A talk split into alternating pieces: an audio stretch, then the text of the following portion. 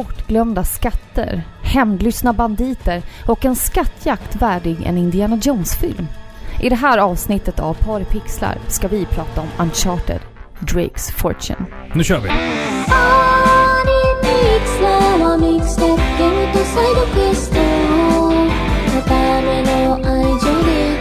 パ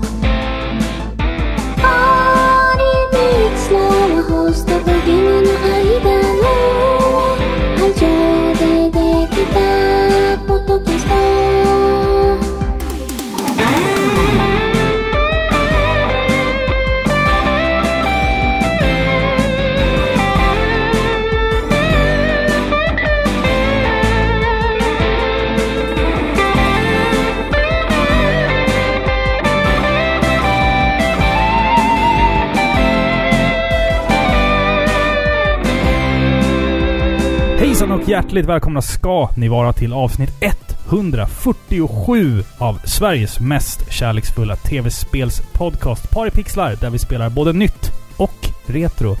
Jag som pratar heter Robin, kallas för Robin Uffe ibland. Och mitt emot mig sitter som vanligt min fru Filippa. Hej! Hej! Hej! Hur mår du? Ja, men det var bra. Du sitter och dricker bärs. Ja, Vad dricker du för något? jag, drick, jag dricker. det börjar bra va? Den måste varit stark. Ja, precis. Eh, Visby honungsöl. Ja. Men som jag sa till dig alldeles nyss, den smakar... Den smakar järn. Den, den smakar som att man har bitit sig i läppen. Mm. Blod. Brukar man inte säga det när man, när man biter sin tunga när man inte får prata? Eller? Säger man inte så? Ja, när, Eller- man, eller? är, när man är på väg att säga någonting fel. Att man får bita sig i tungan. Ja. Det är inte som... Det är inte som... Nej precis. Det är alltså motsatsen av att... Av att man öppnar käften som jag alltid gör. Va, Att ja, bita sig ja, i tungan. Ja. Hur mår du? Jag mår bra. Ja, härligt. Ja. Hur mår du? Jag mår bra. Det är Ja. 2021 eh, och vi, vi är inne det här, på... nej, men det här är inte första Nej, det här avsnittet är av, 2021. andra avsnittet Det är 2021. andra. Är det faktiskt. Ja. Eh, Vi, vi skulle ha släppt det här för några veckor, någon vecka sedan. Men det blev lite försenat eller någonting. Jag vet inte. ja, men vi har varit nergrävda Ja. i en snövärld. Ja, alltså jävlar vad den här snön har påverkat mig negativt. Jag kan inte utföra Va? mitt jobb. Ja, Det nej, det är blir, sant. det är blött och kallt och jävligt. Men Ja. blött är det ju inte. Jo, det blir ju blött snart. Och det har varit blött i omgångar. Ja, nej men det här är vinterland. Det är fint. Ja, men det ska ju vara i december, inte Nej. i februari. Nej. Det här är mm, liksom inte Men kul. vad ska vi ha i januari och februari då, tänker du? Jag tänker att det är bra att portionera ut lyckan va? Mm, jag tycker det ska vara grått bara. Så här. Men- Och sen ska liksom Nej men eh, våren och hösten... ståndare och pistiller Ja, men, upp i marken tidigt i mars. november är jättemörkt, det är den Mm. mest deprimerande. Men då Ja. har man ändå julen att se fram emot. Ja. December är ju bara jul. Och den är positiv oavsett om du har snö eller inte. Men sen har du ju två eländiga månader kvar att Mm. genomlida innan du kan börja skymta vår. Och då tänker jag att då är det ju jättebra. Om Man- det finns någonting positivt i det. Man borde, Till exempel snö. Man borde skriva om den här låten. Januari, februari, mars, april kommer sen. Juni, juli. Du vet den där. Ja. Det borde vara så här. Januari, februari är skit. Sen blir det påsk och då blir det kul. Typ. Så Nej. borde den vara, tycker jag. Ja, Aha, eh, vi, ska, okej. vi ska ju prata om ett spel idag som heter Uncharted Drake's Fortune som Ja. släpptes till Playstation 3. Det ska bli jättekul att få dissekera det här spelet. Eh, jag har ju spelat det ganska många gånger och du har spelat det två gånger rakt igenom. Mm, ja, det kan man säga. Så det ska vi snart sätta igång med. Men innan dess så vill jag presentera vår nya Patreon som vi har fått. Ja. Ooh, kul! Vi säger välkommen till Pixelplutonen, Ja. Per Karlsson. Woo! Varmt välkommen. En stor applåd. tackar, tackar, tackar, tackar. Eh, per gör likt många andra någonting fantastiskt. Jo, han stöttar ju den här podden. Ja. Det kan du göra om du går in på patreon.com snedstreck paripixlar. Det kostar 3 dollar i månaden. Och för det så får du ditt namn uppläst. Som jag sagt så många gånger förut, vi skulle vilja göra exklusiv content till våra Patreons. Men vi har inte tid. Så vi släpper allt gratis. Vill man stötta podden, då gör man det bara för att man tycker att den är, den är bra liksom. Och Sen- ni får vår eviga tacksamhet. Precis. Verkligen. Och Precis. möjliggör vårt fortsatta arbete. Om man Exakt. ska säga så. Exakt. Och eh, det har kommit upp en fråga på våran Discord och det var så här. Varför, kan, varför har ni inte olika tiers? Att varför, jag kanske vill Ja. ge mer än 3 dollar. Det Jo, sant. det går att justera själv. Men det är minst 3 dollar. Sen om du vill ge 30 dollar så får du göra det. Ja. Men det är minst 3 dollar i alla fall. Så att ni kan, om, om ni vill... Vi är väl lite för lata kanske? Ja, precis. Jag Men om ni inte. vill och sådär så kan ni gå liksom... Om ni vill skjuta in 5 dollar istället så det går jättebra. Och det kan man som jag förstår det reglera i efterhand. Liksom. ja, exakt. Ja. Exakt. Det är bara att gå in på, på Patreon där och så Ja, kan man fixa Men det. det... Alltså jag och Robin har ju svårt att ens liksom ha en Patreon. Ja, För att man känner sig som en eh, girigt svin som Mm. bara... Vi är det- alltså, tacksamma för det lilla vi får av Precis. er. Alltså det, det betyder så enormt mycket. Mm. Alltså vi har ju Verkligen. finansierat ehm, två stycken studiolampor. Ja, eh, som vi har när vi gör YouTube-videos. det är så och, sjukt. och sådär. Och sen så har vi ju också nu, alltså i dagarna, finansierat vårt nya mixerbord som vi Ja. ska köpa. Och eh, Tack med, vare er. Ja, tack vare er. det är Och ni som har pröjsat det för oss. med det mixerbordet så kommer vi att kunna ha fyra mickar inkopplade. Vi kommer Jajamän. att kunna ringa telefonsamtal. Så att ni någon gång kommer kunna liksom ringa in till podden och sen kan ni vara med i ett avsnitt via telefon. Om, Ja. vi, om ni vill liksom... Vi kan hitta Precis. på så Vi- mycket roliga Vi grejer. har många planer inför det här och det har liksom inte varit eh, uppe på tapeten för oss att ens liksom kunna köpa en sån här sak, en sån här Nej. pjäs. Det är mycket pengar vi snackar. Det är väldigt mycket pengar. Eh, så det känns fantastiskt att, eh, att ni har blivit en del av det här. Att möjliggöra det här för oss. Precis. Vi är otroligt tacksamma. Mm. Verkligen. Men med de fina orden sagda så tycker jag att vi ska kasta oss ut på en outforskad resa. Eller vad säger du Filippa? Ja, jag är redo. Har du laddat eh, planet? Jajamän, jag har min vit... Du vet att det, det finns ju en dresscode. Klädkod för äventyrare. Ja. Du ska ha gröna kakebyxor och en, eh, en vit, lite halvsmutsig, halvsvettig, Mm, lite halvlökig mm. eh, tröja. Ja, och sen en sån här... lite eh, uppknäppt så här. och sen en sån här pappa i 40-årsåldern frisyr Ja, ska du ha. den är Eh, viktig. du ska helst ha ett, ett, ett eh, armband i kraftigt läder. ja, det är viktigt. Som liknar sånt där kraft som man kan köpa typ i Grekland. Ja, precis. Ja. Och sen ska du ha någon form av halsband och ett par kraftiga Gore-Tex-skor. Ja, Då är du fan i mig hemma. då är du en äventyrare av rang. Ja, så nu sätter vi på oss de här, de här Jag överlevnadskläderna eh, som skulle få Bear Grylls att eh, rodna. Blekna.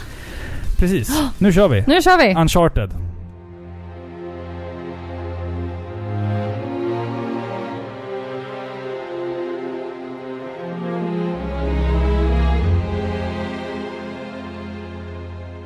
Uncharted Drake's Fortune är ett actionäventyrsspel från 2007 där vi får följa den energiska äventyraren Nathan Drake på hans jakt efter glömda rikedomar och mytomspunna skatter.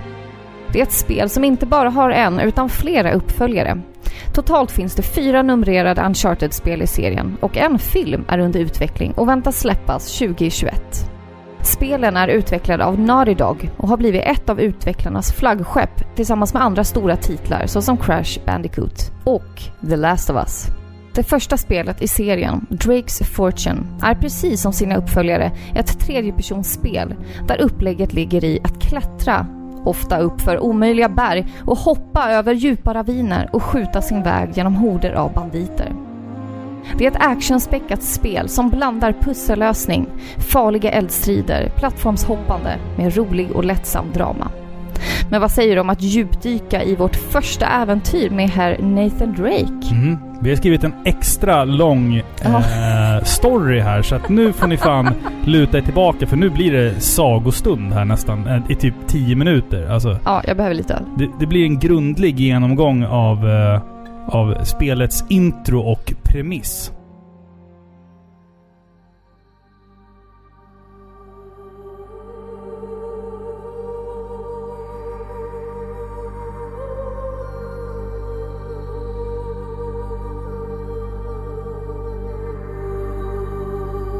Året är 1596 och den engelska upptäcktsresande Sir Francis Drake slår ihop anteckningsboken för dagen. Han har precis hittat den sista pusselbiten i vad som har kommit att bli hans största äventyr hittills. Resan har fört honom till Panama och med de sista koordinaterna och de samlade anteckningarna så är hans mål närmare än någonsin. El Dorado, guldstaden. En skatt värdig en kung och en upptäckt som är värt alla uppoffringar. Inte ett ont anande förbereder han vad som ska komma att bli hans sista äventyr någonsin.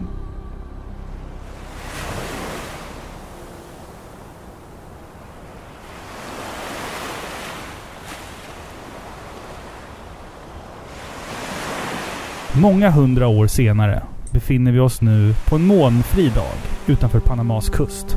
Stilla havet sträcker sig ut till horisonten åt vilket håll man än tittar.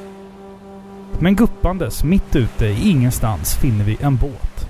Ombord på båten finner vi skattsökaren och äventyraren Nathan Drake. Eller kort Nate, som hans få vänner väljer att kalla honom. Han har precis återvänt upp till ytan efter att ha lyckats bärga en tung kista i sten från havsbotten. Av skicket att döma så har kistan legat på havets botten i många hundra år. Samtidigt som Nathan ger sig på att öppna kistan iakttas han av båtens andra och enda passagerare Elena Fisher. En journalist som har satt hela sin karriär på spel när hon tvingade sin chef att låna ut pengar för att den här expeditionen ens skulle bli möjlig. Med hjälp av en videokamera filmar hon hur kistan öppnas. Ska man tro på legenden så vilar den brittiska upptäcktsresaren Francis Drake i kistan. När kistlocket våldsamt bryts upp med en kofot dör snabbt förväntningarna. Den innehåller endast en väldigt gammal anteckningsbok. Nathan blir dock väldigt upprymd då hans misstankar verkar vara till synes besvarade. Bokens innehåll visar nämligen vägen till den mytomspunna platsen Eldorado, staden av guld. Elena ser besviket och frågande på Nathan när han exalterat bläddrar igenom de flera hundra år gamla anteckningarna. Innan hon hinner ställa en av många kritiska frågor till den uppspelte skattjägaren anfalls de av en flotta med pirater. Nutidens pirater. Som inte tar någon gisslan. I alla fall inte manliga sådana. De tvingas plocka upp vapen för att försvara sig, men eldstriden får ett hastigt slut när båten blir så pass illa skadad att den börjar sjunka. Från den klarblå himlen anländer nu ett litet, enpropelligt flygplan där Nathans kompis Sally sitter bakom spakarna. Nathan och Elena räddas ur den svåra knipan och ger sig tillsammans ut på jakten efter Eldorado. Nästan i alla fall. I sann sol och vårar-maner måste de ju först göra sig av med den nyfikna och påstridiga journalistkvinnan för att efter det söka rätt på skatten själva. Men de är ju inte ensamma. Andra skattsökare har snabbt fått upp ögonen för vad Nathan och Sally har i görningen och vill såklart nå skatten före dem. Det blir en resa genom en djungel full med uråldriga ruiner, grottsystem och fästningar. Och det kommer att visa sig att detta bara är början på ett mycket större äventyr.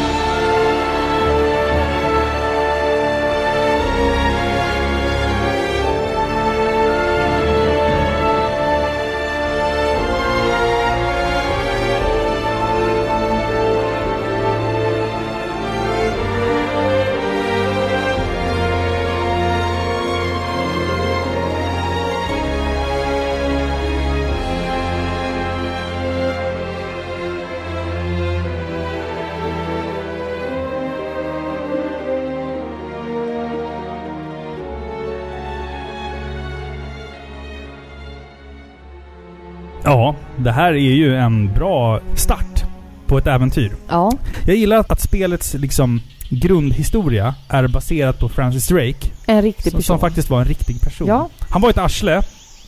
Ja, men var inte alla det på den tiden? Ja, men vi har ju pratat jo. lite om det. Att man, Precis. man, man har så lätt att hylla folk i, i historien liksom. Men de var ju arslen. Ja, alltså han, för han, att var alla ju, var det. han var ju mördare. Alltså, Enligt vår tids mått, ja. Han seglade runt och dödade massor av människor. han jävlades med på. Ja, Elisabeth den förstas liksom Beordran. beordran. Ja, och han ja. mördade ju stora delar av spanska flottan och, Ja, och irrade runt som fan nere i det gjorde Sydamerika. ju han eh, Captain Morgan också. Ja, precis. Och de här... anses vara liksom goda män genom historien. Men så är det ju. Nej, så är det verkligen inte. Jo, Ja. jo. Ja, alltså det anses att de är goda ja, men Ja. de är ju inte goda. Alltså, Nej, men de, de är Ja. män av sin tid. Ja. Får man säga så? Eller det är lite provokativt att säga så. ja, jag tror det också. Jag, Ja. jag vet inte. Ja, skitsamma. inte. Det är kul att läsa om De gjorde så för att alla andra gjorde så på den tiden. Kodnamnet för Uncharted eh, när detta spel var under utveckling var Big och skulle bli Naughty Dogs storsatsning på Sonys kommande enhet Playstation 3. Man ville hitta på något nytt istället för att göra ett, eh, ett vanligt liksom Jack and Daxter-spel på direkten. Så man tänkte vi ska göra någonting nytt och fräscht. Som var deras liksom stolthet innan. Ja, exakt. Mm. exakt. Man ville ju eh, ta vara på Playstation 3s styrka och då skapa ett realistiskt spel där med alltså riktiga människor som ska kunna se ut att vara typ din granne. Istället för det här cartoonish Ja. som de tidigare var ja. Exakt. Och man inspirerades ju av filmer som till exempel National Treasure och Indiana Jones. Men även också alltså 1910-talets följetongsfilmer. Känner du till det? 1910-talets Ja. filmer. Ja. Vi snackar alltså way, way, way back. Alltså mellan typ 1910 och 1920. Jag tror att... Jag tror inte att den första filmen gjordes 1910. Jo. Jaha. Det, det här är alltså uråldrigt. Alltså, Ja. Det var alltså små korta filmer som man gick och såg på biograf. Och som alltid avslutades med en cliffhanger. Och sen skulle man liksom gå och se Aha. nästa. Det var, alltså tänk dig typ en Netflix-serie. Ja. Fast på bio och för typ 100 år sedan. Den första, Netflix and chill. Ja, precis. Fast för typ 100 år sedan. Ja. Den första trailern i alla fall för det här spelet visades upp på E E3 2006 till ett väldigt gott mottagande. Folk kallade det här spelet för Dude Raider eftersom att det jämfördes ganska snabbt med då Tomb Raider. Dude, Raider. Dude Raider, ja. Precis. Och som du sa så har den här spelserien genererat hela åtta stycken spel. Eh, fyra Det stycken... sa jag inte. Nej men fyra stycken numrerade. ett till fyra. Ja. Sen har vi Golden Abyss, Fight for Fortune, Fortune Hunter och Lost Legacy. Ja. Eh, Golden Abyss är ju till Playstation Vita. Och eh, Lost Legacy är ju till Playstation 4 och de andra två är typ mobilspel eller någonting. Är det bara Lost Legacy som, eh, vi sätter den så, Mm, mm, eh, som följer någon annan Ja. än Nate? precis. Ja. Chloe och eh, Nadine ifrån Uncharted 2 respektive 4. Så var det. Om jag inte minns helt fel. Mm. Kan ju vara så.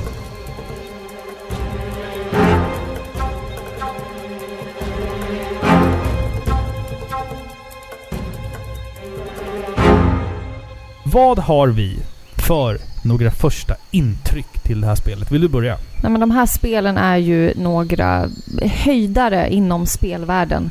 Det här är spel man vill uppleva åtminstone en gång i livet. Så känner ju jag. Så jag har ju spelat det här spelet en gång innan då.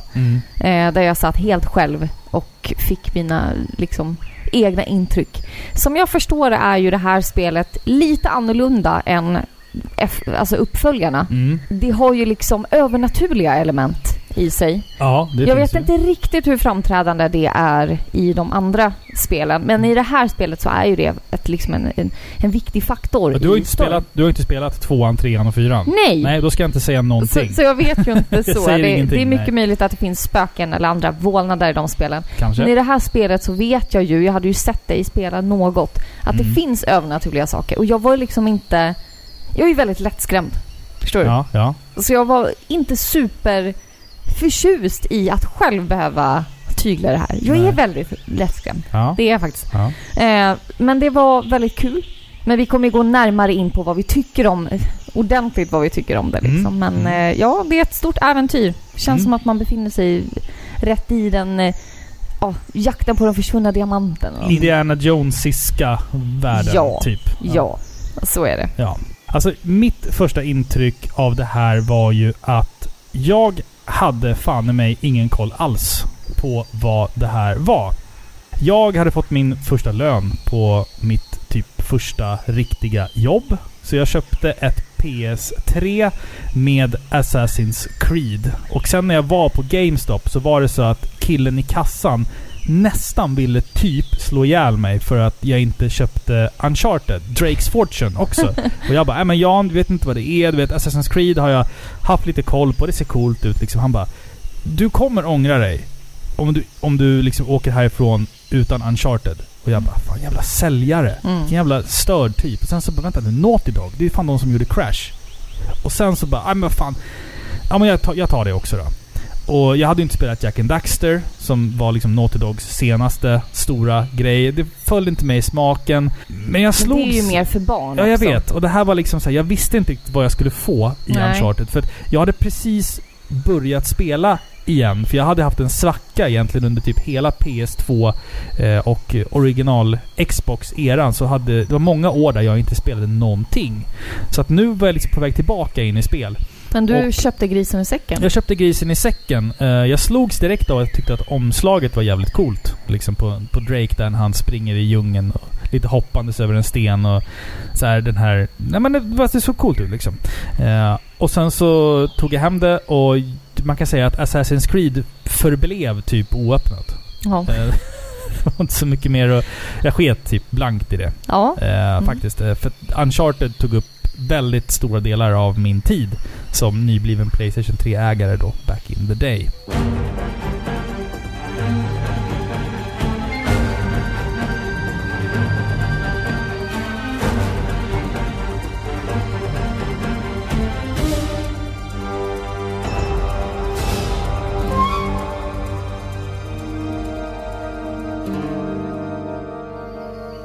Nu kommer ett pappaskämt. Är du beredd? Sitter du ner? Är du fastspänd? Jajamän. Okej.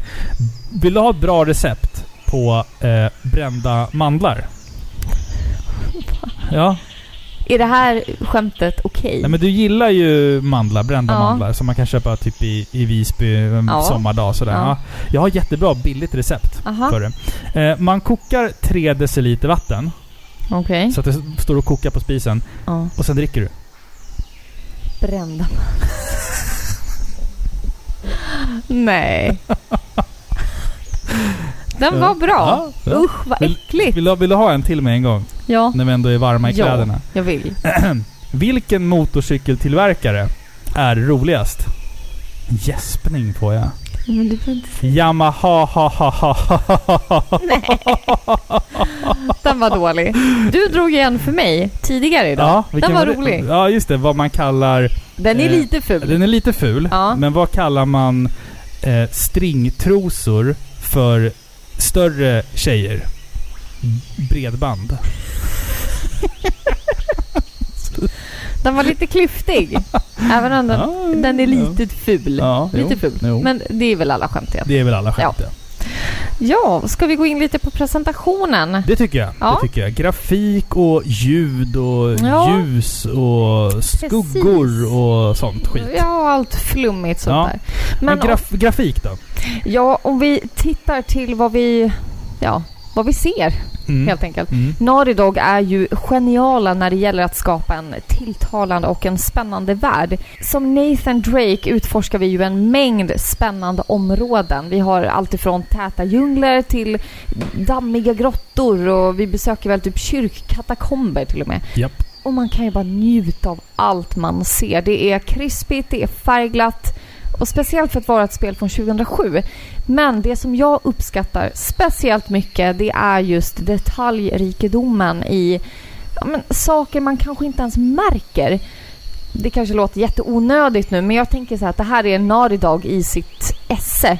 Alltså det kan vara allt ifrån den mossbeklädda bergsväggen eller till ett hörn i kyrkan som man besöker. Alltså det är platser, vinklar, vyer som man inte ens ser ibland. Och trots det så är de så otroligt detaljrika och genomtänkta. Eh, Och ett exempel är ju när man, eh, man ränner igenom eh, djungeln där och kommer till de här branta klipporna vid, spoiler, ubåten. Mm, Du vet. Precis. Tidigt, men det är tidigt i spelet. Det är väldigt det, det tidigt i spelet. Ja. Och man kan ju liksom bara rusa förbi allt det där. Men stannar man då upp för en sekund som du fick mig att göra Mm. vid mm. den här andra genomspelningen. Första gången hade jag nog bara sprungit förbi. Eh, men du sa det, nu stannar vi upp här för en sekund och så bara blickar man ut över de här fantastiska vyerna. Alltså man blir ju helt förbluffad. Alltså det är så galet snyggt alltså. Just effekten när man får till eh, med solen Ja, och ljuset och färgerna där ja. Ja. precis. Det är otroligt vackert. Det här Mm. är spelet är ganska gammalt. Ja, nu Alltså, ja. ja. nu. Ja, det Men det, ändå, det. just sådana där saker när man ser hur de har lagt ner energi på att liksom designa bakgrunder som du kanske bara springer förbi. Japp. Det är det som är pricken över i tycker jag. Ja, jag tycker du sa någonting jävligt bra där i början och det är att du sa färg. Mm. Det är ju någonting som Naughty Dog är alltså jävligt, jävligt bra på. Ja. Eh, nu på senare tid så har jag liksom spelat lite Jack and Daxter. Eh, men jag tänker framförallt på typ Crash Bandicoot. De tidiga banorna i det första spelet där du har de här liksom frodiga djungelområdena. Det är ju precis samma sak som vi ser i det här spelet. Alltså Naughty Dog, de kan göra djungler. ja, och- men de är modiga. ja precis. De vågar använda färg. Ja, för att när det här spelet släpptes, alltså 2007, då var det ju trendigt att spelen skulle ha den här mossbrungröna, gråa, realistiska, tråkiga, mörka tonen. Men här kommer Naughty Dog med typ ett spel som bara skriker så här limegrön och rött och gult och orange. Ja, Det är ju- liksom så, så mycket energi. Ja, absolut. Och jag tänker också så här att man... Jag tänker att det ligger en svårighet att, eh, att designa sådana här områden där det händer väldigt Mm. mycket saker. För jag menar, det du ser... Du tittar på någonting genom en platt skärm. Det är svårt att utforma och förmedla ett djup. Alltså få saker att sticka ut, ja. Ja, Mm. det, det är jättelätt att du bara tittar på någonting och så ju mer detaljer det är och ju mer skit som händer på liksom, ju mer blad i Mm, djungeln du mm. ser. Det blir bara blurrigt och grötigt. Jag Exakt. tänker typ på Skyrim, Mm. som jag Det här är älskar. typ Fallout 3. Det kommer Det- visserligen senare, men alltså... Ja, och Skyrim kom ju liksom 2011. Mm. Det är ju ett helt Mm. annat spel. Man kan Mm. inte jämföra på det sättet. Men det är ju också... Det, det vill också ha den här realismen, men istället så är allting bara brunt och grötigt. Ja, exakt. Och då är det svårt att urskilja Mm. eh, vart du är någonstans. Eller okej, är det här nå- någonstans jag kan gå? Eller Mm. förstår du? Men i det här spelet så har de inte den svårigheten. Nej. Jag, jag förstår att man inte kan jämföra riktigt. För att i det här spelet så har man ju i stort sett bara en väg att gå. Men sakerna i, alltså detaljrikedomen i bakgrunderna blir aldrig förvirrande. Mm. Nej men precis. Det är det jag Och vill det, säga. det, det, det tänker jag också på. Att Naughty Dog lyckas även få eh, gråa och mörka platser som till exempel typ grottor och sånt. Intressant. Till exempel i en grotta eh, så har vi eld. Eh, som som så stora kandelabrar. Då blir det liksom lite mer rött och orange. Det blir varmt och instängt. Eller när vi är inne i ett annat grottsystem. Då har piraterna placerat lampor där inne som lyser med en så klar, vit, nästan blå ton. Så att, så att vattnet i den här grottan blir så här mörkblått. Och så blir det ljust på väggarna. Alltså det, ja, det man, jobbar, snyggt. man jobbar effektivt med färg för att få i stort sett alla miljöer att sticka ut och verka intressanta och man gör någonting unikt med ljuset. Hela tiden faktiskt. Tycker jag i alla fall. Jag tycker håller inte att... Alltså en stengrotta är ju liksom oftast... Det är gråa väggar. Det, det, det är grotta. Medan här använder man sig av ljuset. Att det står en liten lampa här och lyser och så blir grottan liksom kanske en annan färg och så... Men förstår du vad jag menar? Ja, man, jag man har liksom använt sig av, av spelets logik för att få det att verka intressant. Hur flummigt det än nu låter, eller vad man ska säga.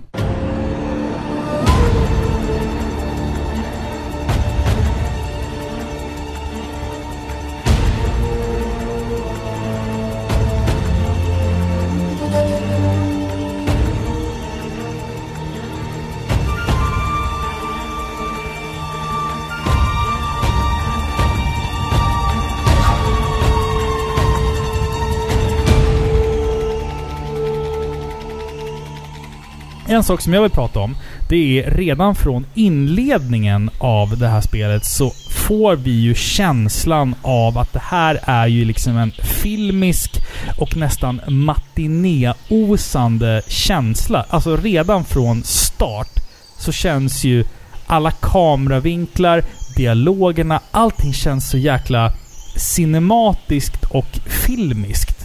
Det tycker jag är någonting som man faktiskt lyckades jävligt, jävligt bra med i det här spelet. Jag säger så här, man lyckades bättre i tvåan och framåt, men redan här så, så satte man liksom prägen för hur eh, man gör sådana här spel.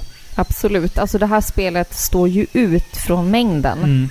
Det satte ju lite som en ribba för hur man tillverkar sådana här och hur man utvecklar sådana här spel. Ja. Det är väldigt intressant att läsa om reaktionerna efter spelets release.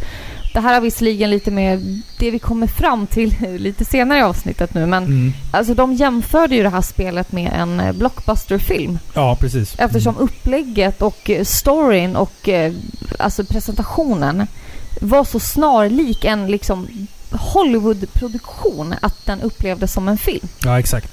Och det Och- tänker jag har väldigt mycket att göra med just, ja, dels storyn som vi kommer in på lite senare, men framförallt alltså det vi ser, det vi får uppleva Mm. visuellt. Exakt. Och det var ju någonting helt nytt också. För att man använde sig ju för första gången egentligen, alltså Naughty Dog använde sig för första gången av motion capture. Det har man inte gjort förut. Istället för att liksom programmera en karaktärs rörelser. Det kan man göra med karaktärer som inte är människor. Alltså Crash Bandicoot och sådär. De är, de är inte människor. De kan Nej. röra sig, vi kan acceptera att deras rörelsesätt inte Ser riktigt annorlunda är... ut, ja, ja. precis. Ser annorlunda ut. Men när, nu när vi gör ett spel om människor så är det väldigt viktigt att människorna ser ut att röra sig som människor. Så att man använder motion capture och då var det alltså skådespelarna som gör rösterna i det här spelet som också gjorde all motion capture för Det är spelet. fint. Det blir ju någon slags, liksom, eh, alltså de här eh, verkliga röstskådespelarna Ja. får ju en relation till eh, Man har någonting... Ja, karaktärerna som de spelar. precis, och man har en motspelare att agera emot Ja. när man spelar in det här. Men du säger alltså att det här spelet var kanske inte först, Nej, inte men- först. väldigt tidigt med Mm. att göra sådana här Ja, saker. precis. Och det som är lite roligt också det är att eh, Sony eh, byggde en, en sån här motion capture stage åt Naughty Dog. Så att de började filma och spela in allting. Sen märkte de att okej, det här stället är inte ljudisolerat så att vi måste ta om all voiceover. Nej. Så att alltså agerandet och skådespelet är liksom korrekt. Men allt ljud är liksom pådubbat och synkat och liksom ovanpå då det här motion capture. Det märker inte jag. Nej, det, det märks inte. Nej. Det märks inte. För det, är det, är så, det är så, det är så jävla bra utfört. Allt det här... Det enda som man gjorde digitalt, det är ansiktsuttrycken faktiskt. För det kunde man inte motion capture... Motion captura på, på samma sätt. Tjurra! Så d- alla På ansiktsuttryck... den tiden. På den tiden ja. Så att eh, alla ansiktsuttryck eh, är ju digitalt skapade. Men de har fan fått till det också. Ja, det tycker jag verkligen. Även om man, som jag säger, fick till det bättre i de senare spelen så ser Ja, det ändå... 2007, Ja, det ser bra ut för att vara 2007 alltså. Levde man ens då? precis. Nej, så precis. länge sedan är det inte, men ändå. Det har hänt väldigt mycket på de åren. Ja, och, och, och Nathan Drake sticker ju ut som den mest liksom välskapta karaktären i det här gänget. Han, han känns ju någonstans som en average Joe. Man ser på hans kroppsspråk, alltså när man spelar spelet, när han rullar och ställer sig för att ta skydd och sådär. Han känns ju inte som någon soldat. Utan han känns som en vanlig snubbe som, som hela tiden befinner sig på gränsen mellan liv och död när han är i Ja, men eldstrider. lite sådär klantig på något sätt. Ja men typ. Typ, hur hamnade han här? Han är ingen Alltså, soldat i egentligen. alla fall. Han är ingen soldat i Nej, det är han inte. Han är Liksom. för... Eh, jag tänker mig att han är en sån eh, människa som inte kunde sitta still på lektionerna Nej precis, under precis. skolan. ja, lite, förstår du? Ja, lite myror i brallan. Ja. Har liksom... Han är en problemlösare, Exakt, exakt. lite. Och sen en, en liten detalj till som jag bara finner helt magisk. Som man även tog upp i ett senare spel. Det är det här när Nathan hoppar ner i vatten och sen kommer upp. Då ser man att hans kläder är blöta. Ja, det, De- det är snyggt. De har en mörkare färg och de sitter tajtare på honom. Och i, jag tror att det är i Uncharted 2 eller 3, Jag minns inte vilket. Eh, när man då hoppar ner i vattnet och kommer upp, då säger en av karaktärerna Don't you just love when your, clothes, when your clothes get all squeaky, eller vad han säger. Aha. Alltså ungefär som att så här, vi vet att vi har gjort det här bra Ja, nu. Liksom, så här, vi, har fått till det här. Ja. Titta, vi gjorde rätt. All squishy, eller vad han säger. Det är något så här jättemärkligt engelskt ord jag inte kan. Eh, men det är en liten detalj också som bara liksom är som pricken över it Ja. på sättet Naughty Dog designar sina grejer. Vilket är liksom obligatoriskt för dagens spel, såklart. Ja. Men man får ju liksom ha i åtanke att, den har, att det har ett par år på nacken. Ja, precis, precis.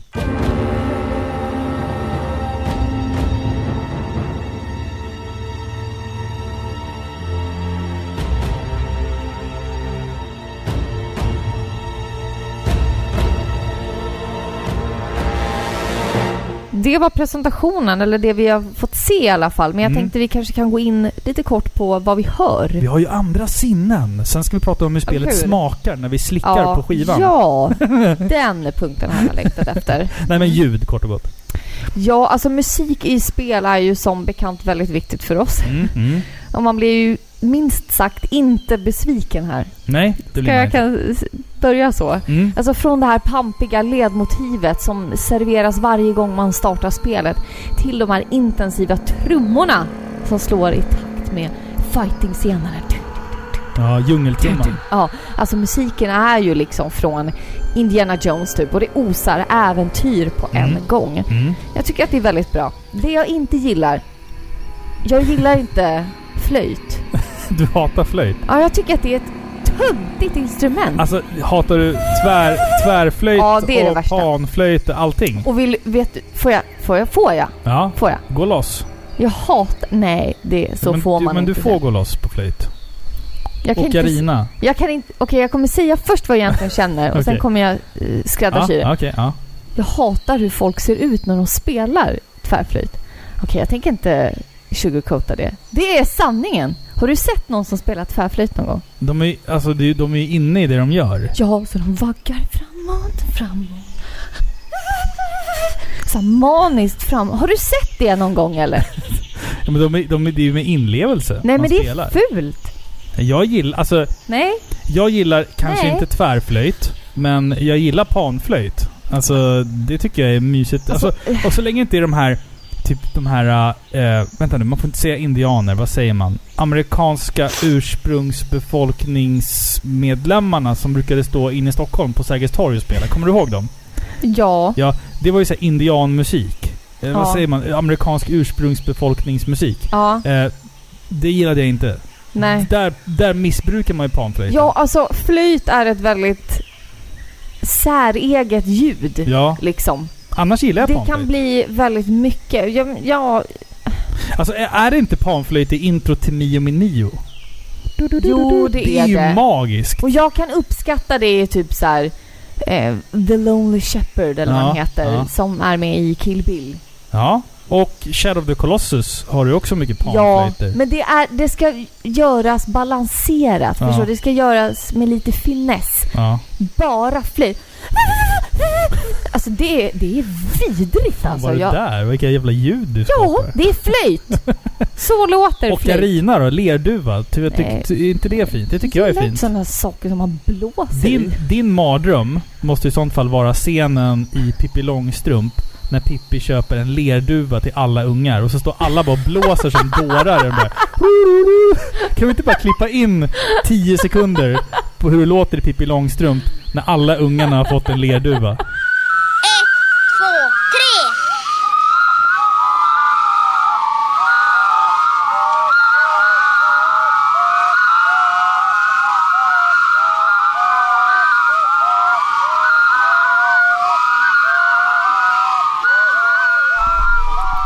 Det där måste ju vara din fullständiga mardröm. Men Astrid Lindgren, hon rökte ju på. Hur kan man komma Nej. på något sånt där? Inte Astrid inte. Hur kan man komma på något sånt där? Nej men jag, alltså jag, ja, flöjt är ju ett märkligt instrument. Ja, och det får inte ta... Det får liksom inte dominera. Förstår Jag, du? jag kommer ihåg eh, min pappas svettningar och blick som han fick när min lillebror sa i andra klass att han ville börja spela blockflöjt. Jag minns ångesten hemma. Så bara, ska vi köpa en flöjt åt honom? Ja men det är ju ett andrahandsinstrument. Förr i Ja. tiden var ju alla tvungna att börja med blockflöjt. Ja jävlar, just det. Så var det fan. Jag Ja. tror det var så till och med på min tid. Ja, jag behövde inte Jag ville spela gitarr, men då så bara här, ta en flöjt. Man bara...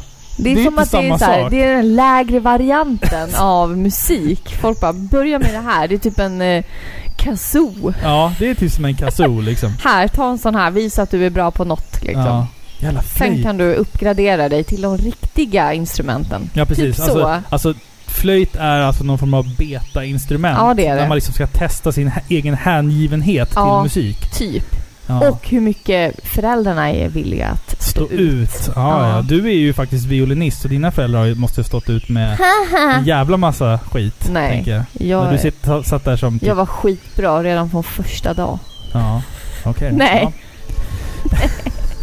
Ska vi återgå till musiken i Uncharted? Ja, den är Okej. bra. Punkt. Det jag gillar med det här soundtracket, det är att vi Är har inte ju... flöjterna. Det är inte flöjterna kanske. Nej. Men vi har ju även i det här spelet ett dynamiskt soundtrack. Det vill säga, alltså ett musikspår som går lugnt och fint. Men när fienden närmar sig så läggs det på kanske en intensiv fiol och några trummor på det. Och sen så när vi snart befinner oss mitt i eldstriden, då har vi liksom musik taget ur en actionfilm. Och när sista fienden är besegrad så får vi en... Ja, Och så då återgår dör det. den ut. Och så Då vet återgår man att det. Ja, precis. jag är säker Nu är jag säker, nu kan jag utforska lite och så har man den här liksom lilla musikslingan ligga i bakgrunden. Men när det väl, när, när det väl är, är action och som man säger i Alfons Åberg, deckare och pang-pang. Då är det ju musik som nästan känns tagen ur alltså National Treasure, Da Vinci-koden som du kollade på häromdagen. Eh, det är musik som liksom får en att känna att man vill här, utforska, upptäcka och hoppa över Ja, men raviner. Vet och... du vad det är? Nej. Det är ju vuxna barnfilmer. Ja det är det ju. Eller hur? Ja, det är söndags, söndagsfilmer som jag kallar det det är matiné. Det Ja. är någonting barnsligt med det. Ja. Förstår du vad jag menar? Ja, ja, alltså, ja, det är ju inte filmer för barn, men det är någonting orealistiskt glatt och positivt med dem. Ja. Förstår du? Det väcker den här barnsliga livsgnistan igen. Jag vill Ja. också stjäla the declaration of independence. Ja. Liksom. Förstår du? ja. Jag hade en väldigt nära vän som älskade Uncharted. Och älskade den typen av filmer också. Så han Så han tvingade... gick runt klädd i klädkodexen? Nej, det vill, jag inte, det vill jag inte påstå. Men däremot Skönt. så tvingade han mig att se så riktigt dåliga så äventyrsfilmer. Typ, Typ, den som här... the, äh, li- the, the Librarian. Ja, Med typ. han från... Eh, eh, inte Cityakuten. Nej, Utan IR nej. eller... IR. Ja men IR var väl Cityakuten? Ja. Men också den här Sahara med... eh, vad fan heter det nu då? Inte han... eh, McConaughey! Ja, Ja, just det. McConaughey. Matthew, McCon Matthew McConaughey. Du vet. men han är bra. Jag Ja, gillar jo, han. Jo, jag vet. Men alltså, Har det, du det, sett eh, Han har gjort jättemånga... Detec- True Detective? Nej, jag har inte sett True Detective. Han är bra i den alltså. Kan han vara? Jo, men vänta nu, vänta nu. Han är Matthew riktigt McConaughey, äcklig. Matthew McConaughey är ju med i Interstellar. Ja, Den gillar jag jättemycket. Det är en bra film. ja Det är en ej, bra vet film. du, jag gillar inte den. Det är bara för att du inte förstår. Du förstår inte storheten i den här filmen. Alltså. Robin, låt oss inte gå så lågt. Nej. Nej, som din IQ. I can't leave you alone for a minute, can I? Ah, I had everything under control until they blew up the boat. you all right? Nothing the years of therapy won't fix. En annan del av ljudet som vi har från det här spelet är ju faktiskt röstskådespeleriet. Vi har ju Nolan North, välkänd vid det här laget, som porträtterar vår humoristiska hjälte Nathan. Han gör ett fenomenalt jobb. Dynamiken han har med Emily Rose, som spelar Elena, och Richard McConagall, som spelar Sully, är ju otroligt älskvärd och på riktigt. Alla andra karaktärer i det här spelet bleknar ju fullständigt i jämförelse med den här trion. Eh, Nolan North känner vi igen ifrån det här General Hospital som gick på TV4 på 90-talet. Jag vet inte om du såg det? Nej. Nej, okej. Och det roliga är att Emily Rose, hon som spelar Elena, skulle egentligen inte ha spelat Elena. Utan hon följde med en kompis som skulle göra audition för Elena. Men när de väl kom till platsen så bondade hon så jäkla snabbt och bra med Nolan North att producenten till spelet bara du är inte intresserad av att spela den här karaktären då? Och hon bara såhär, jo visst det skulle jag väl kunna tänka mig. Så att det, deras kemi var liksom meant to be redan innan. Och deras kemi får vi faktiskt följa alltså i alla Uncharted-spel.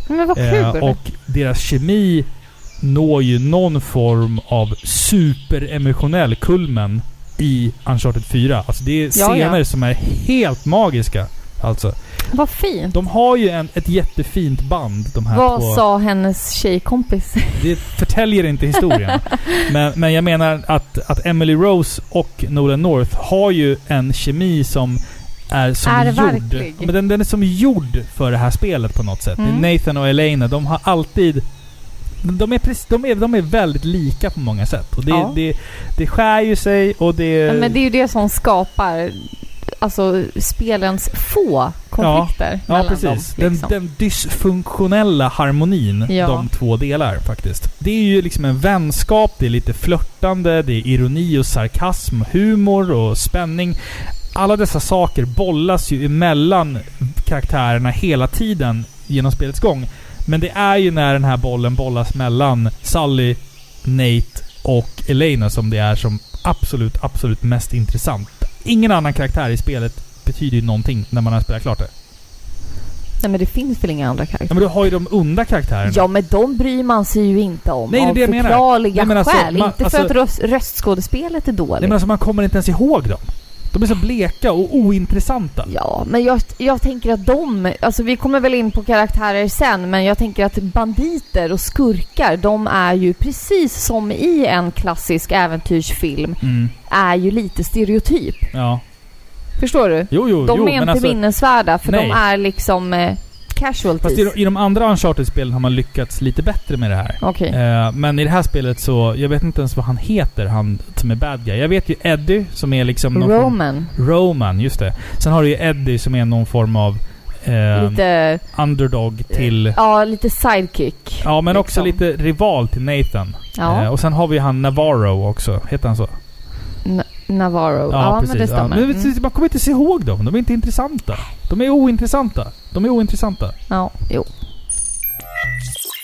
Det här avsnittet av Par i pixlar görs i samarbete med tv-spelsbutiken Spel och sånt i Norrtälje. Du vet ju Filippa att jag har ju tagit klivet. Ja, jag vet inte om Ja, jag skulle kunna kalla det det. Jag har börjat läsa böcker. Nej, det har du inte. Jo, det har jag. Nej, det har du inte. Du sitter inte och läser en bok. Jo, det gör jag. Jo, Nej, du lyssnar på någon som läser åt dig. det är... Det är en vuxen form av sagoläsning. Det är ett sätt att ta in information. Ja, Ja. men du har inte läst en bok. Jag har lyssnat på någon som har läst en Ja. bok för mig idag. Ja. Jag har inte riktigt kommit till det här med att man ska börja läsa sidorna själv. Nej, nej. Det, Ehm. det är ett stort kliv att Ja. börja läsa ordentligt. Men i alla fall, det, det jag ville säga var att på Spel och sånt så finns det ju ett gediget utbud av tv-spelsrelaterade böcker. Ja, fysiska. Fysiska Ja. böcker. Och jag har valt ut två. Eh, som jag vill rekommendera. Den ena är Svensk videospelsutveckling av våra goda vänner Thomas Hunnhede och Martin Lindell. Det är ju en bok som levererar vad titeln utlovar. Det är en grundlig historia i hur tv och dataspel eh, har skapats i Sverige sedan alltså urminnes tider. Det är ju tur att det finns såna här människor som kan förklara det för oss dödliga människor. Exakt. Så och, känner och, jag och liksom, liksom. dokumenterar så Oh. pass väl att det är liksom informationen aldrig nu är förlorad. Eh, och sen också så vill jag slå ett slag för boken NES XXSCN1. Mm. Känner du till den? Ja. Det är alltså boken som tar upp och listar alla spel till NES som släpptes i Norden. Det är perfekt för samlaren. Ja. Och kunna bocka av. Så är du en läslus, passa på att gå in på spelasont.se. Tack. Hi, this is Christopher Randolph, the voice of Otacon. This is Corey Marshall, the English voice of Ryo Hazuki. My name is Robert Belgrade, the voice of Alucard from Castlevania. And you are listening to And you're listening to And you're listening to Par y Pixlar with Robin and Felipa. Hörru, jag snubblade över din bh som låg på golvet här om morgonen. Vet du vad jag tänkte för mig själv då? Nej. Booby trap. Så jävla bra! Nej, Booby trap. vilken låg. Nej, ganska Nej, men det- hög faktiskt. Den sitter ganska långt upp på kroppen. Ja, det är sant. Det är Ja, sant. ja, ja. Nu har vi pratat både bh och trosor i det här avsnittet. Vad var trosorna? Ja just det, stingtrosorna. Just det. Ja men den var bra. Den Yes, gillade jag. yes. Ja. ja men nu har vi ju faktiskt eh, pratat lite om eh, lite karaktärerna och sådär. Men det är väl dags att vi talar om gameplay. Mm, För det är ju trots allt ett spel och inte en film vi Nej, har precis. gått igenom här. det stämmer. Det här spelet är ju väldigt... Den har ju lite olika delar som är viktiga men en stor del som är framträdande i det här spelet Mm det är ju dess utforskande. Det här är ju faktiskt ett tredjepersons äventyrsspel. Här kombinerar vi utforskande med eh, plattformshoppande. Och hela spelet är liksom uppdelat i olika kapitel. Varje kapitel börjar ju då för det mesta med eh, utforskande. Där man ränner runt då genom farliga miljöer och ja, vart är vi någonstans? I djungeln, vi är i grottor, vi jävla ruin här och där. ruiner Ja. och lite överallt liksom. Och här oftast då så stöter man på hinder, man stöter på problem som kräver då att man oftast klättrar som en galning. Nathan Drake är ju en apa om man Ja, säger så. Han ja. klättrar ju som en idiot Mm. överallt. Och ja, han växlar ju då mellan att utföra omänskligt starka aktioner och lösa hundratals år gamla pussel. Och ibland så kan man även stöta på skatter. Vi hittade ingen skatt den här gången. Vi sket i det. Vi struntar i det va? Ja, de är svåra att hitta i det här spelet. Ja, faktiskt. De andra spelen har jag förstått har lite lättare. Ja, precis. Ja. De här är obskyra. Ob obskyrt placerade. Ja, så kan man säga. Men den här delen av spelet är väl den som jag uppskattar mest. Själva utforskandet. Som vi har pratat om tidigare, Naughty Dog är jättebra på att utforma fantastiskt vackra och tilltalande miljöer. Så det är det jag tycker är mest roliga med det här spelet. Att man faktiskt får springa runt och utforska. Det är ju linjärt. Ja, det är det Du kan ju inte ta... Du kan inte välja väg utan du går ju bara en väg. Men lyckligtvis är miljöerna så pass tilltalande att jag, jag aldrig känner mig instängd. Eller som att jag går liksom i en... eh, Ja men som att jag går på en rak väg. Utan det känns öppet just för att de har fått liksom miljöerna att se så tilltalande och eh, vackra och, det, och realistiska ut. Liksom. Alltså varje kapitel är ju typ ett öppet område. Skulle man kunna säga. Och sen så när du kommer till nästa kapitel, då är det ett nytt öppet område. ja, och men du de- ska fortfarande ta det från Ja. punkt A till B. Ja, exakt. exakt. Liksom. Mm. Mm. Och sen är det ju hinder på, på vägen i form av pussel Ja. eller fiender. Och det är där liksom utforskandet, eller plattformshoppanden, alltså Mm. plattformsmomenten är ju de viktigare Ja, exakt. delen. Exakt. Så ja, det kanske inte är så mycket utforskande egentligen. Du springer egentligen rakt fram och stöter på problem som gör att du måste klättra. Ja, men det är liksom så här, okej, jag ska dit bort, men hur kommer jag dit? Ja, jag ser exakt. någonting jag kan klättra på där borta, men hur kommer jag upp dit egentligen? Precis, och det är kul. Ja, det, det är roligt. är väldigt roligt, Mm. och för det är inte särskilt svårt. Nej, det är inte det. Nej. Nej, alltså det är ganska glasklart Ja. och, och utmarkerat att du ska hoppa från den till den. Det är liksom inte så... Jag tycker nästan att det är lite för enkelt Ja. ibland. Att det, så här, den här grejen är röd på en grå vägg. Då vet man att okej, jag ska börja där antagligen. Jag kan tänka mig att det här kanske förbättras lite i de senare spelen. Ja, men mycket, för du mycket. vet, när du ser på typ sådana här filmer. Mm. Nu sitter jag ju och tittar på Da Vinci-koden. Ja, Den typ står på paus fyra plus. där uppe. Den är väldigt bra. Det är, Väldigt första, bra. det är första gången jag ser den. Det är sjukt. Och när man ser såna här filmer, jag tänker typ Indiana Jones eller Ish. National Ja. Treasure är också en bra... Liksom, de har ju lyckats skräddarsy en, en historia Mm. som fängslar en. Man vet att det inte är på riktigt, Ja. men det är så pass spännande och nästan trovärdigt. Det skulle kunna vara på riktigt. det skulle kunna Ja, vara precis. så här. Ja. Da Vinci-koden, de visar den här målningen och titta, de, alltså alla bevis de Mm. lägger fram.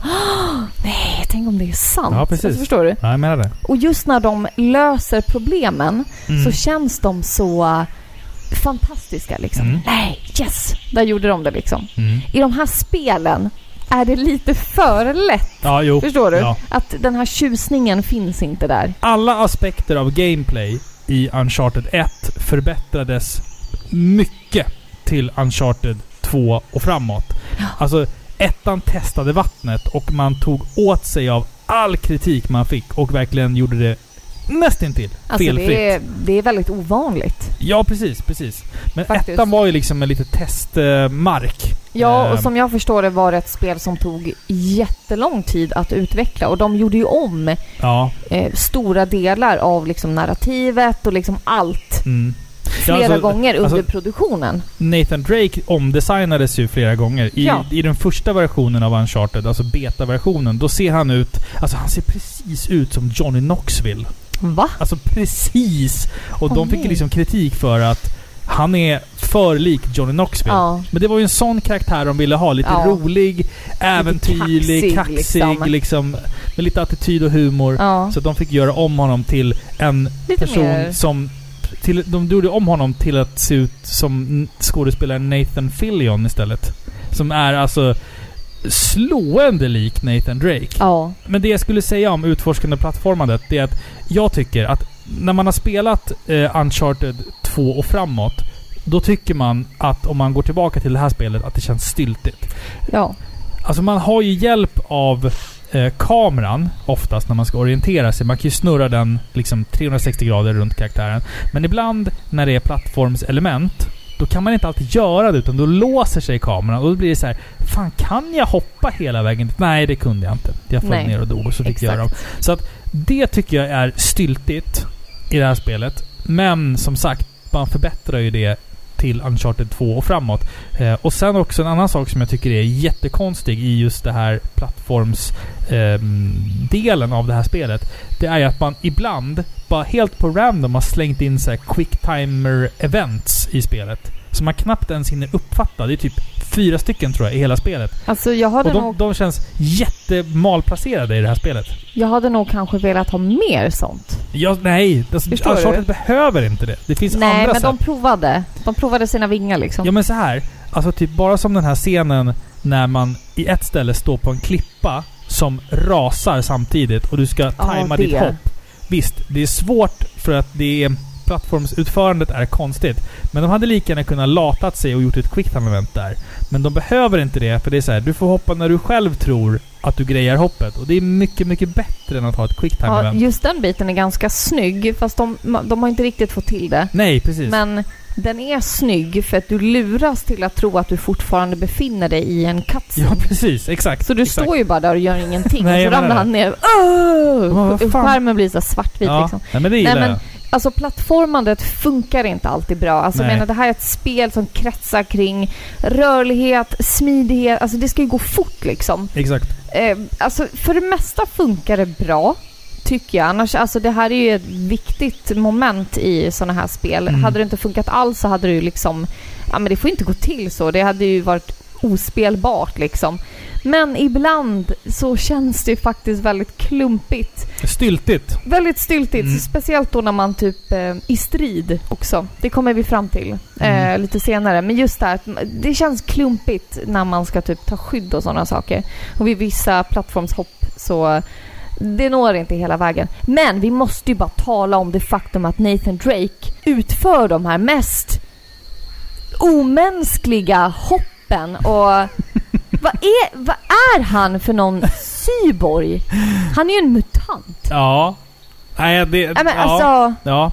Alltså, han det är, ju... ju... det är nästan löjligt orealistiskt. Han hoppar ju från lianer och Mm. ner från klippor. Alltså han måste ju ha såna liksom eh, fingermuskler. Ska jag, säga, ska jag säga en rolig anekdot kring det där faktiskt? Ja. Och det är att eh, skådespelaren Nolan North, när han skulle börja mocappa för Nathan Drake så hade han typ en vecka tidigare råkat ut för en allvarlig cykelolycka. Nej. Så att han hade ju typ två brutna revben. Så att i, i spelet när han gör liksom olika hopp och grejer och gör sån här äh, liksom ljud att ah! Ah! Du vet han hoppar och du vet så här. Det är liksom riktig Så smärta. är det riktigt. Är Nej. Han gick in och började mocappa spelet med två brutna revben. Nej. Så att det, ja, det, många av de här ångeststörningarna som vi hör han utföra eh, är ju faktiskt riktiga... De är på eh, riktigt. De är riktigt eh, smärtfullt laddade. Det är fint. Fint ändå. Ja men det är fint. Det är hängivet. Mm.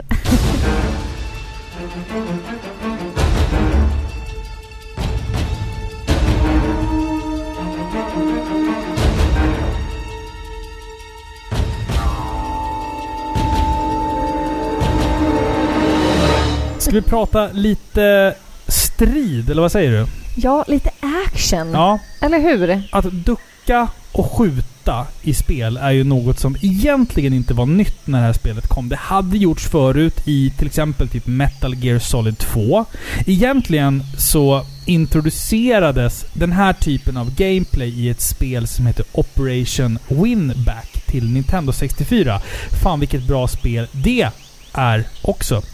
Eh, men som vanligt med Naughty Dog så har de en känsla för det där med att se moment i andra spel, anamma det och göra sin tolkning av det och mer eller mindre bemästra det.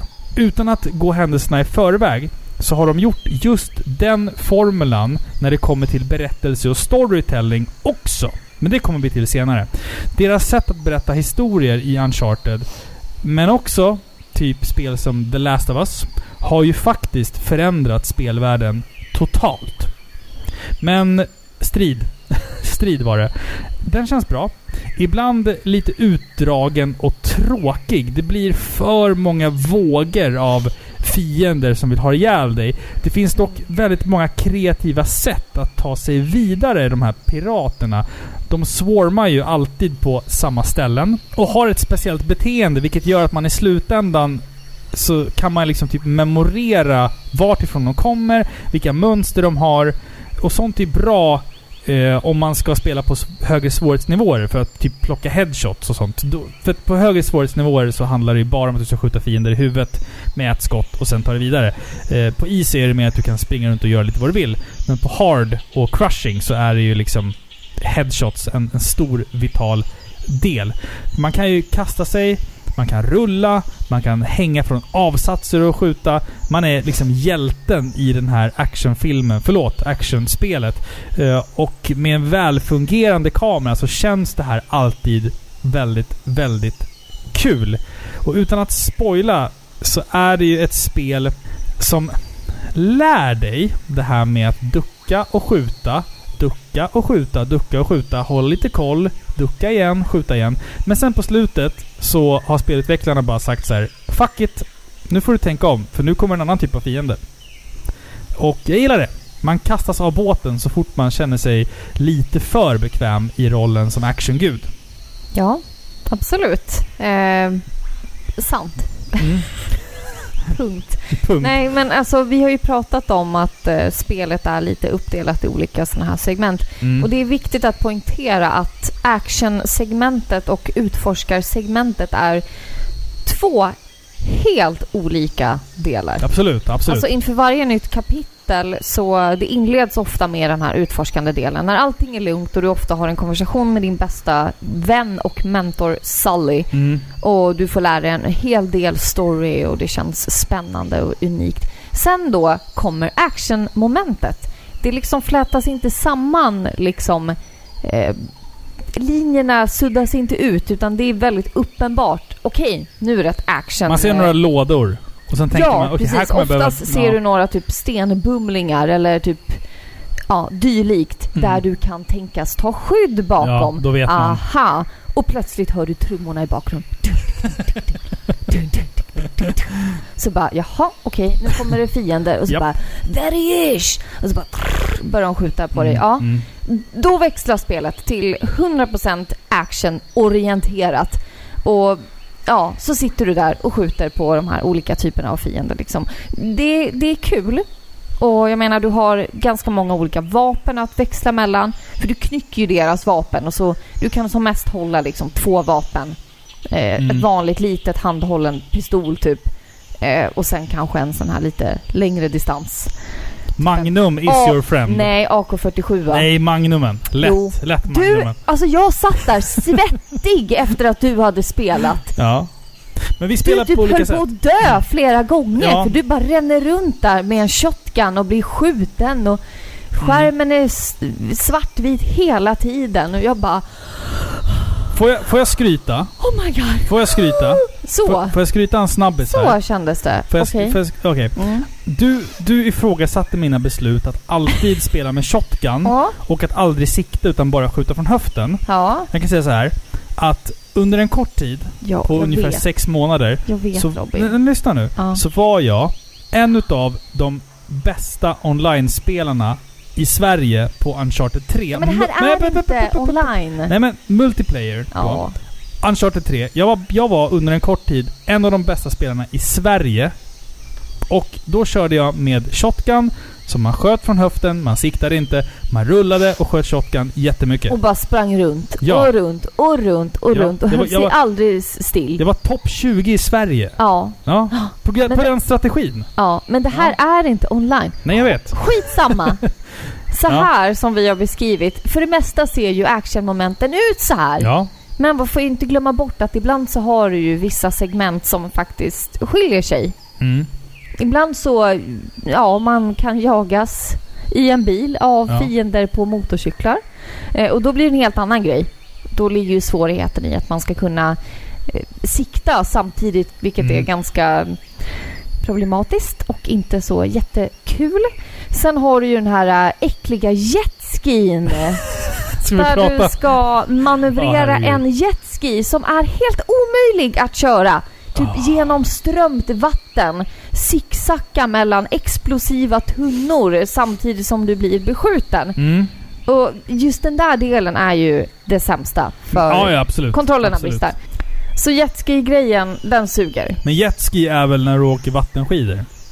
Ja, Du tänker på vad är det nu? vattenskoter? Ja, du har en skoter. Det är, samma, så det är, inte samma sak. Det är men inte ja, samma nej, sak. Precis. Ja. Ja. Du Mm. har en vattenskoter. ja, precis. Ja, den delen suger. Ja, den suger. Däremot är det kul när det varierar lite för oftast så känns det väldigt upprepande Mm. och intetsägande. Alltså de här vågorna som du pratar om som Mm. bara kommer. Okej, nu är det samma sak igen.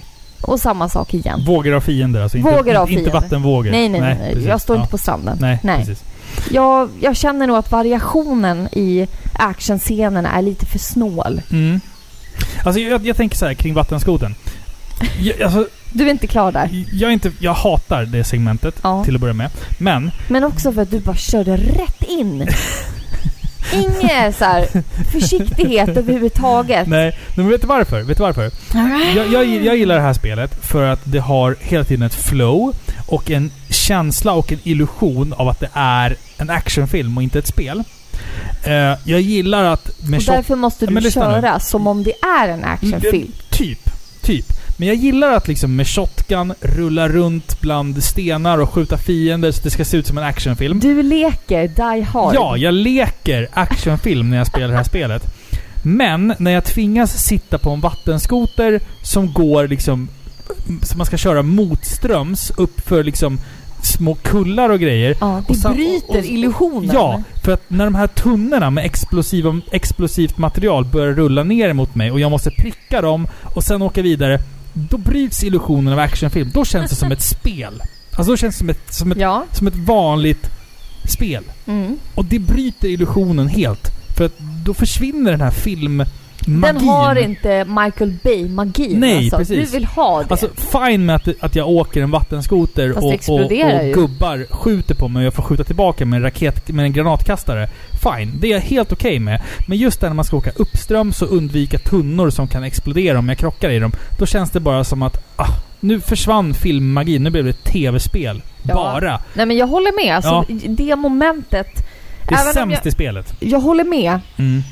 Kanske inte av den anledning som du tycker att det är klumpigt, men jag förstår verkligen din poäng. För just det här momentet är så... Alltså det är så orealistiskt. För jag kör ju på den här jetskin Mm. och jag blir beskjuten. Ibland måste jag kanske till och med backa Ja. för att liksom... Så tråkigt.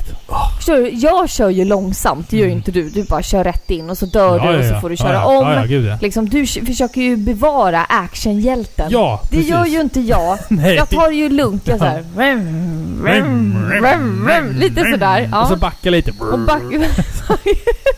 ja men så gör ju Ja, jag, för jag vill ju Mm. inte dö liksom. Nej. Och det är ju så orealistiskt.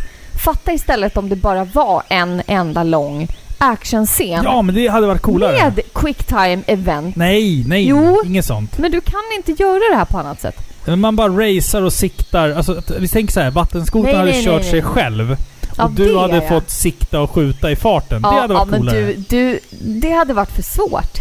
Nej, det tror jag Jo. inte.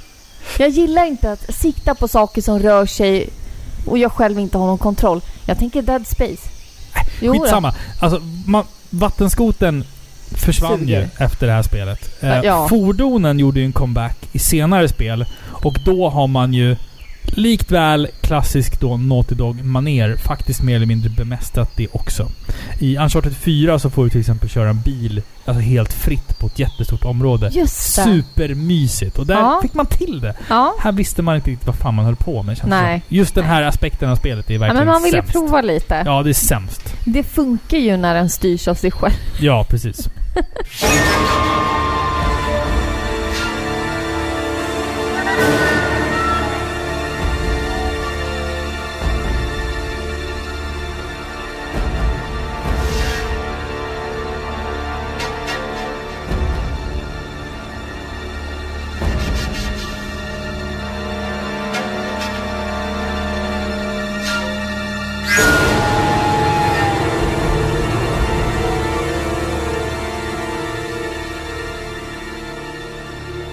Jag vill prata lite om spelets pussel.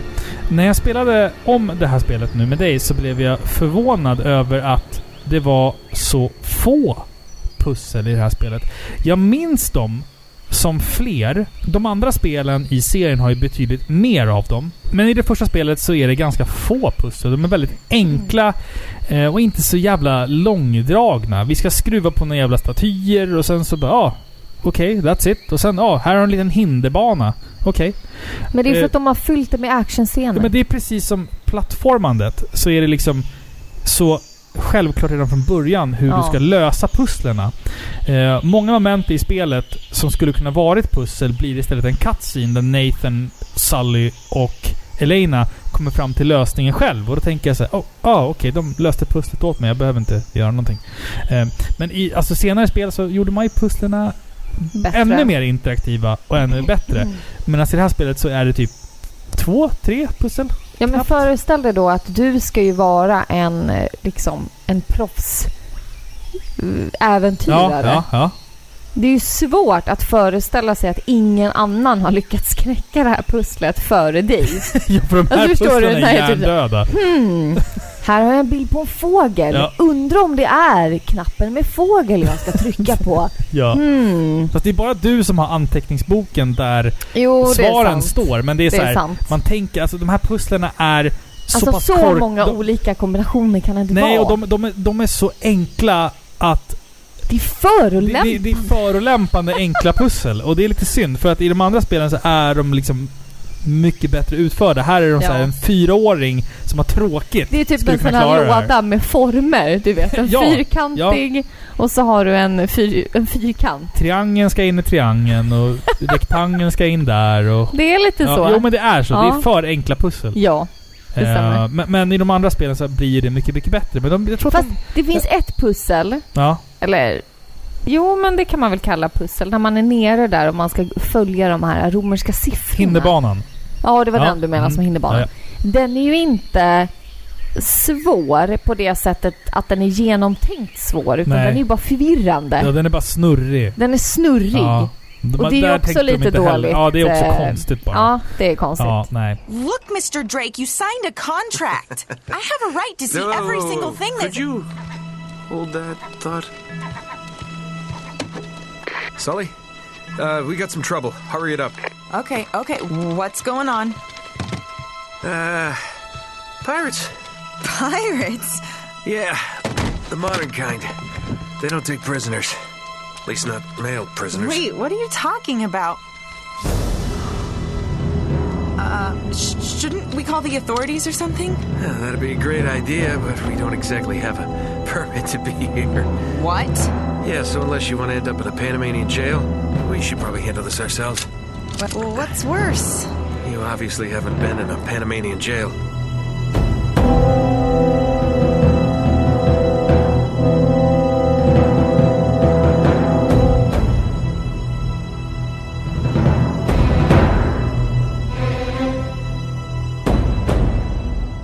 Hörru, jag har ju faktiskt jobbat som gitarrlärare vid ett tillfälle i mitt liv. Vet Jaha. du, vet, du hur, vet du vad folk tyckte om mig? Nej. Jag var ganska sträng, men jag bjöd alltid på god stämning. Nej. Ja. Nej förlåt, den där var, den där var fan för usel. men den nästan, var bra. Nästan så vi klipper bort den. Nej. Nästan så Jag vi klipper gillade bort den. Du vet Okej. att jag har varit fiollärare en gång. Jo, jag vet det. Och jag har varit gitarrlärare faktiskt åt en person som, som slutade spela gitarr sen. Min ele- en av mina elever var en eh, kvinnlig präst. Jaha. Halleluja. Jag ville bara säga det. ja. Nej men du, vad handlar spelet om egentligen? Kan vi inte prata lite Story, ja. ja. Mm. Men jag tycker så att spelets handling, det är ju liksom motivationen. Det är ju moroten till Mm. att spela. I alla Ja. fall för mig. Alltså jag menar, gameplay är kul, men vi har ju redan liksom betonat och belyst eh, spelets nackdelar och svagheter, mm. om man säger så. Men det här, det är ju liksom Nathans, Nathan Drakes resa. Det är det man vill se fortsättningen på. Absolut. Vem kan säga nej till ett äventyr liksom? Det är lite Mm. så jag känner. Och det här spelets story, det är ju verkligen en spännande berättelse om bortglömda skatter. Vi har, vi har lite kärlek och vi har farliga banditer. Det, det känns ju som att man upplever typ en... Ja, vi har sagt Indiana Jones, men om jag säger så här, det påminner om en Goonies-film. Visst har den En? Goonies. Ja! Ja, ja. Jag tycker det. Alltså, Ja. det är verkligen inte ett barnspel, men jag menar, det är otroligt lättsamt och Mm. icke-allvarligt. Alltså, om du tänker efter, trots alla de här hemska sakerna som utspelar sig, att du, eller typ att Elena skjuter ihjäl människor. Och Nathan Och också. Nathan Ja. Drake bara begår massmord på typ hur mycket människor som helst. Ja. Och är nära döden Ja, ja, vid gud. fler än Ja, ja, Så slås aldrig hans mod ner. Han är glad hela tiden. Lite komisk liksom. Ja. Oh crap! Ja, Allt är precis. liksom- Oj, oj! oj oj, jag råkade visst skjuta 500 personer igår. Nej, nej. Ja, nej, men, nej, ja. nej, ja. Mm. nej, men så det känns väldigt Jo men alltså, alltså storyn är ju moroten. Alltså gameplay är kul och pussel är kul och klättra är kul. Men det är, man vill ju, man vill ju veta hur storyn ska fortsätta liksom. Ja, Vad är det här för mytomspunnen skatt? ja, och det är ju verkligen så med det här spelet att det känns som en film. Ja. Det är upplagt som en film. Mm.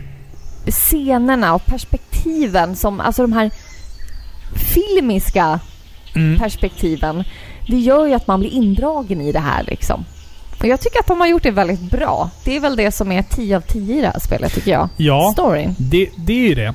För att det händer ju rätt mycket saker i det här spelet som vi inte har gått in på för att vi vill inte spoila det för mycket. Men det är ju saker som gör det här spelet väldigt unikt och som faktiskt bygger en fantastisk bakgrund till vad vi kommer att få uppleva i uppföljarna. Om vi ska prata lite så här spoilerfritt så är det ju liksom en härlig resa med skattsökande Nathan som hamnar i någon form av rat race till den här skatten. Vi har Elena som fungerar som någon form av love interest men som också är en väldigt härlig karaktär som efter några timmar i djungeln bevisar sig vara lika skruvad som Nathan, dålig humor inkluderad. eh, det är ju liksom... Jo men som du säger, storyn är ju den ultimata moroten. För att gameplay, som jag sa, det är kul men det, man vill ju framförallt veta det här med storyn och, och det här uråldriga skatten och nazisterna vad fan Eller här hur? och försökte Vad har hitta- de med vad det har de med det här att göra? Det, det, det är allt det där man stöter på under spelets gång. De, de är jävligt duktiga på att hela tiden kasta en ny morot till dig efter att du har behövt besegra liksom 150 pirater. Så är det såhär, åh fan det är inget kul det här längre. För nu har man bara sprungit runt och skjutit och det känns hjärndött. Som, Ja, du, sa, som, som du sa vid ett tillfälle. Ja men det Men var så- ju vid så- ett tillfälle som jag bara, nej jag tänker inte göra Nej men det känns hjärndött sa du ju. Men sen kastas man en ny morot i storyn och blir såhär, ah, jag vill nog fan se vad som händer i nästa men det är kapitel klart. alltså. Det är klart. Det, det, varje kapitel liksom avslutas ju med en liten, liten cliffhanger och det är det jag gillar. Man kan liksom acceptera mindre bra gameplay-moment bara för att storyn är så jävla spännande. Ja, verkligen. Och då förstår man ju det här med alltså, eh, kritikernas, eh, Mm. Deras reaktion på det här, att de jämförde det med en, med en film. Precis, precis. Och storyn är ju liksom så förenad med karaktärerna. Vi har ju redan pratat lite där med röstskådespel och det, det är så viktigt i det här spelet. Nathan Drake är ju spelets huvudperson och hjälte. Han är lättsam, det har vi sagt många gånger ikväll, men han är rolig, han är godhjärtad. de har verkligen lyckats få till hans persona. Mm. Hans personlighet liksom. För han känns så gedigen, han känns så äkta. Trovärdig karaktär helt enkelt. Och mycket är ju tack vare det här fenomenala röstskådespelet då. Ja. Som sagt. Ja. Det gör ju att karaktärerna faktiskt kommer till liv på riktigt. Och jag gillar Elena. Mm. Hon är jätterolig. Hon är inte en sån här typisk eh, damsel in distress liksom. Nej, gud hon nej, visar gud sig nej. vara en Mm. otroligt stark karaktär. Mm. Och en person som står på två egna ben. Men jag gillar Sully. Han gillar Cigarr jag. och Den whisky här och... gamla veteranen med cigarr i mun. Ja. Han är ju Nathans mentor liksom. Klassisk solovårare. Riktig solovårare Han pratar liksom. mycket om hororna som han umgåtts Ja, men med. han har ju en vet, dam i varje... I varje Riktigt liksom. ärkesvin. men jag älskar honom. Ja, men de har, de har liksom goda hjärtan. Ja, det är det. Ja, Det är ju precis. verkligen ja, så. Nathan och Sally har ju Men väldigt de, stora hjärtan. Alltså de känns ju som, precis som jag jämförde Nathan med en pojke som inte kan sitta still i skolan. mm. De är de här typerna som är... De är tillräckligt ödmjuka för att inte utmåla sig själva som hjältar. Ja, antihjältar. De är lite antihjältar. Ja, De mm. är så här. Ja, vi är ute för att leta efter en skatt för att Mm. vi vill bli rika som svin. Ja. Vad är ditt problem? ja, precis. Ja. liksom. Vi mördar några personer i vägen bara, det är ingen fara. Ja. De personerna var ännu sämre. Mm. Nej men alltså jag, jag älskar verkligen deras kemi. Mm. Det, det gör så sketans mycket med det här spelet. Alltså, Sully, han är bra. Man blir ju så här. Man, man förstår ju bara av deras första inledande ord till Mm. varandra. Alltså, nu kan jag inte minnas exakt vad det är de säger, men liksom när han kommer med flygplanet och det märks ju att de har känt varandra i många, många år. Ja, exakt. Vilket man kommer få se i de senare spelen. Ja, Vilket jag minns lite. men jag har spelat det. Ja. Mm. Det, det gör ju att man blir nyfiken på deras historia Ja, liksom. ja. Och Naughty Dog är så otroliga på att berätta de här historierna på det sättet. Mm. Man blir verkligen intresserad, nyfiken. Mm. Vad är det för story de No- har? Naughty Dog är ju otroliga på att skapa karaktärer och berättelser som trollbinder oss alla. Och har gjort i många, många år nu. Mm. Det, det måste vi faktiskt hylla dem väldigt, väldigt mycket för. Eh, och alltså, jag, jag kan inte... Jag vet inte vad jag ska tillägga mm, liksom, till det du redan har sagt, men de, de, de är jävligt duktiga på det här med att skapa karaktärer, skriva berättelser som hela tiden får en att engagera sig och känna sig investerad i karaktärernas öde. Nathan Drake är ju en av de skönaste spelkaraktärerna som finns där ute. I något avsnitt av Par Pixlar för länge, länge sedan så sa jag om det finns någon spelkaraktär som jag någon gång skulle vilja ta en öl med så är det ju typ Nathan Drake och bara sitta och lyssna på hans jävla anekdoter om saker och ting. Eh, Sully är en fantastisk karaktär som hela tiden pratar om eh, saker Hans som röst! vi brukade göra på den gamla goda tiden och liksom... Typ bara hans citat. Det är som att hitta en... Eh, vad är det han säger? När de, när de letar efter någonting eh, i början av spelet, då säger han det är som att hitta en, en jungfru på en bordell. en liksom. oskuld i... På en bordell, ja. Ja. Eh, A bride, a bride in a brothel. det är så här, bara sådana saker liksom. Och Elena är också... Vågar ju liksom stå upp mot Nate. Som du sa, hon vågar... Eller hon vägrar att vara en damsel in distress. Hon är ju liksom ganska kaxig för hon har ju sin karriär på spel. Även i framtida spel så har vi så jävla färgstarka karaktärer. Jag älskar ju Chloe ifrån Uncharted 2. Eh, en av mina favoritkaraktärer från, ifrån hela spelserien faktiskt. Och Är du team Chloe? jag är team Chloe, måste jag ändå säga. Du är det Ja, jag tror det. alltså? Ja. Är du besviken eller? Besviken på vad då? Nej men du får inte... Alltså vi Nej, får nej, inte nej, spoila. nej, men, nej, men alltså Chloe är ju, utan att spoila supermycket, så är ju Chloe Nathans sidechick. Och... Eh, nej, men jag, jag gillar henne för att hon... Hennes röst är bara så jävla rispig Ja. och härlig och... Den är underbar. Ja, men det är ju väldigt märkligt. Här, de här spelen... Nu går vi ju in på saker som inte hör till eh, första spelet Nej. att göra ens. Men alltså, de här spelen följer ju en ganska... Eh, vad ska man säga? Förutsägbar Mm. linje. Det, det är ju det här spelen med the happy ending. Ja, precis. Inte Jo, det du jo. får på en asiatisk massage. Nej, Nej. det får man inte! Det, det stämmer inte. Nej, Du, det, det, det, Utan- det, alltså Och det, det, det som händer där i de andra spelen, det är ju Ja. liksom väldigt märkligt tycker jag. Enligt Kalla fakta Filippa, så, Ja. så är det ju ungefär 20% av alla thaimassageställen i Sverige som utför happy ending. Så att, så att du får väl säga Ja, med, ja. med hänvisning till, den, till, den, till statistiken då. Ja, ja, absolut. Mm, Mm. Precis. Så att, ja, för att förtydliga ditt budskap där. Ja.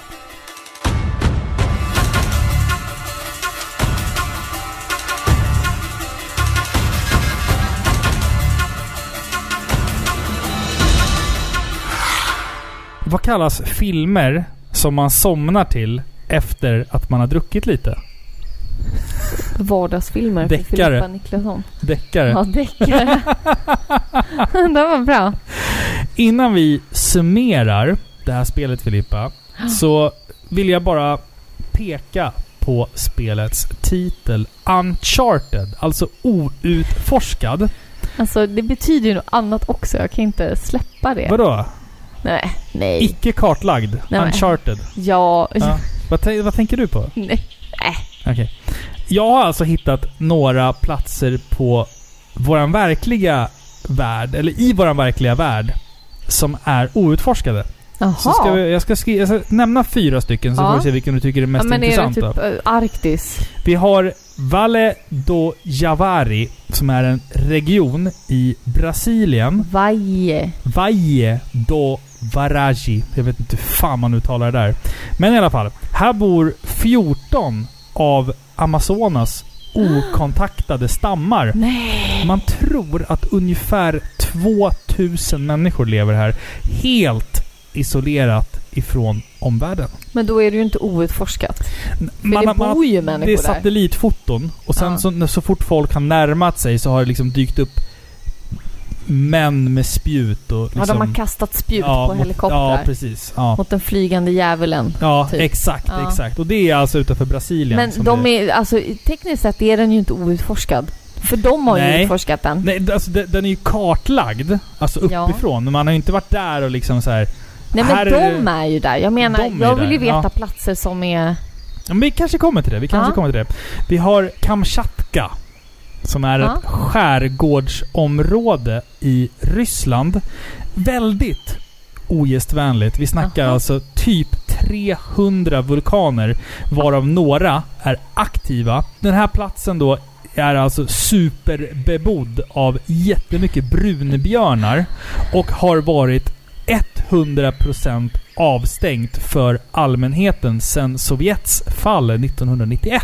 Är det sant? Yes, så det är alltså massor Men då av är... skärgårdsöar Ja, men då tänker jag Ryssland. så här att då är det nog hemlighetsmakeri där va? Ja, men det är så här vildmark med, med du vet, Men ofta de brunbjörn bara, och- nu stänger vi ner. Det är väl Annars jävla- är det ju typ så här, gå in på din egen risk. Det är ju en jävla det- kärnvapenbas eller Ja, säkert. det är väl självklart.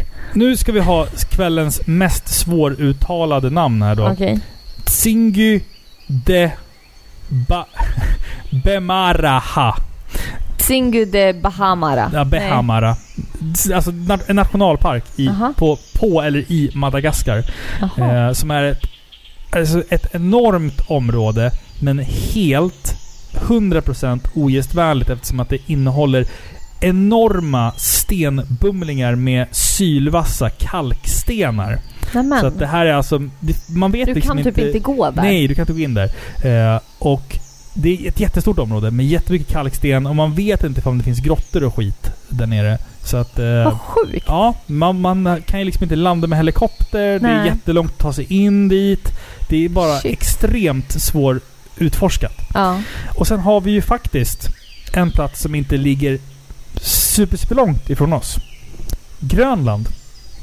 ja. Grönland är... Det ligger ju jättelångt bort Det från är oss. andra... Alltså det är ju inte, det är inte down under för oss. Utan det är ju... Du får ju... Nej, men det är ju närmare USA. Ja men det är ju en bit bort. Men det är ju inte... Det är, Det är bakom hörnet. ja. Nej men alltså det är det är Island och Grönland. Det är en bit bort. Eller är jag helt sönderkörd i hjärnan? Är, är, är Grönland så jävla långt bort? Alltså. Det är ju närmare... Det är ju typ... Det är ju Du tänker så här. Ja. tänker jag liksom på, på den här platta bilden av jordklotet? Eller tänker jag, tänker ja, jag men på det är liksom... klart du gör det. Ja, Men du får, vad dum jag känner mig. nej, men det är ju Ja. på the northern Hemisphere. hemisphere. Ja, det är så du tänker. Jo. men det är ju fortfarande Liksom, Man simmar inte dit på en kvart. Nej, Nej. det är liksom eh, över Atlanten. Ja, det är över Atlanten. Men det, Ja. sk- skitsamma. Grönland. Ja, ja. Stora delar av Grönland Bakom hörnet. är ju fortfarande outforskade. Är det? För oss, vikingarna var ju där och snurrade bland de där jävla isbergen. Snurra runt. Med sina jävla båtar och de var ju där och Vad fan härjade. är det här? Man undrar ju vad vikingarna gjorde där egentligen. För, för Grönland är ju bara isberg typ bara, på vattnet. Eh, och alltså, så sent som 1999 så hittade man faktiskt sex stycken enorma nya öar där. Så Jaha. det säger ju allt om det här landet. Det är ju liksom extremt ogästvänligt. Jag hade så jävla gärna vilja åka. Om jag skulle åka med någon sån här båtexpedition någon gång, då skulle det fan vara till typ Grönland och, Och bara se valar. isberg och så här, kanske hitta någon gammal grotta eller något sjunket Ja men det skulle man väl inte göra. Men Grönland hade varit coolt att åka till. Jag vill åka till Island. Vad ska du göra på Grönland? Klättra på isberg. Men då får... Nej. Nej. Åk till Island. De har ju så här gejsrar och he heta källor. Bada.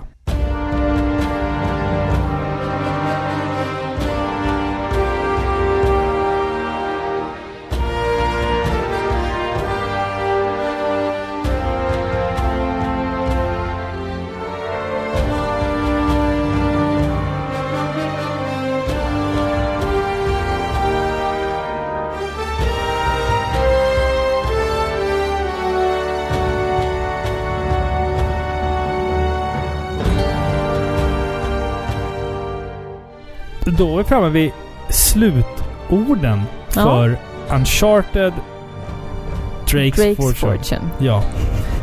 Ehm, ett uttryck som återkommer flera gånger i spelet är ju Sic Parvis Magna och är latin och översätts fritt till Greatness from Small Beginnings. Och det finns egentligen inget annat sätt att summera det här spelet på än just de orden. Det har sina brister och tillkortakommanden och Naughty Dog kastade sig ut med huvudet först för att skapa en helt ny spelupplevelse. Vad vi sen fick uppleva i Uncharted 2, 3 och framförallt 4 hade inte varit möjligt utan det här första spelet. Och med det sagt så vill jag verkligen, verkligen hylla Uncharted 2 till 4 som några av de bästa spelen som någonsin verkligen gjorts i min mening. Men som sagt, det hade inte hänt om det inte vore för Uncharted Drake's Fortune. Så Greatness from Small Beginnings i all ära och heder. Vad fint sagt. Tack! Det där satt jag och skrev Ja. innan vi spelade in det här. Nej. Jo, det, det här är liksom... Det där kom från hjärtat. Ja, det kom från Ja. hjärtat. För jag, alltså, upplevelserna som man får i Uncharted 2, 3 och 4 är Underbart. oslagbara. Ja. Alltså, drama... Men det började här va? Det började här. Och sen så liksom de här... Vi får ju som ett sånt enormt jävla crescendo i Ja. Uncharted 4. Och, och liksom all drama som utspelar sig i Uncharted 2. Nate träffar en ny tjej. Uncharted 3. Nate åker till öknen och liksom stöter på stora delar av sin historia från barndomen. Mm. Allt det där som målas upp i de framtida spelen. Det börjar här. Det börjar ju här va? Och man känner ju av liksom intensiteten, glimten Mm. redan här. Det Ja. är inte så att det här spelet är helt urbota korkat liksom. Nej, precis. Utan det är ju, det bär ju på den här glimten. Mm. Liksom. Det bär på fröet till vad som Fröet ska till komma att större. bli. Ja, precis. Verkligen. För att i Uncharted 2, där, alltså bara första timmen i Uncharted 2 Mm. är magiskt alltså. Alltså ettan är ju väldigt som en... Den är ju en oslipad diamant. Visst är den det. Så Visst kan man den säga. Det är ett Mm. otroligt bra spel. Verkligen. Det är det. Men man, Äventyr. det, det har sina små brister, men... ja, men det ligger till det. oftast i liksom gameplay. Mm. Och då, då får man ju ändå tänka på att det är ett gammalt spel. Ja, Om det är vi jämför- 13-14 år gammalt nu. Det är Ja. Sjukt! 14 år Ja, gammalt! det är, Stört! det är jättegammalt. Stört! Alltså för att vara den tiden så är det ju ändå ett väldigt bra spel. Gud ja. Ja. Gud ja. Absolut. Men det Absolut. är ju storyn som gör det. Det är och- storyn som, som gör det, ja. och karaktärerna. Ja, karaktärerna. Ja. Mm. Nathan Drake och hans märkliga äventyr.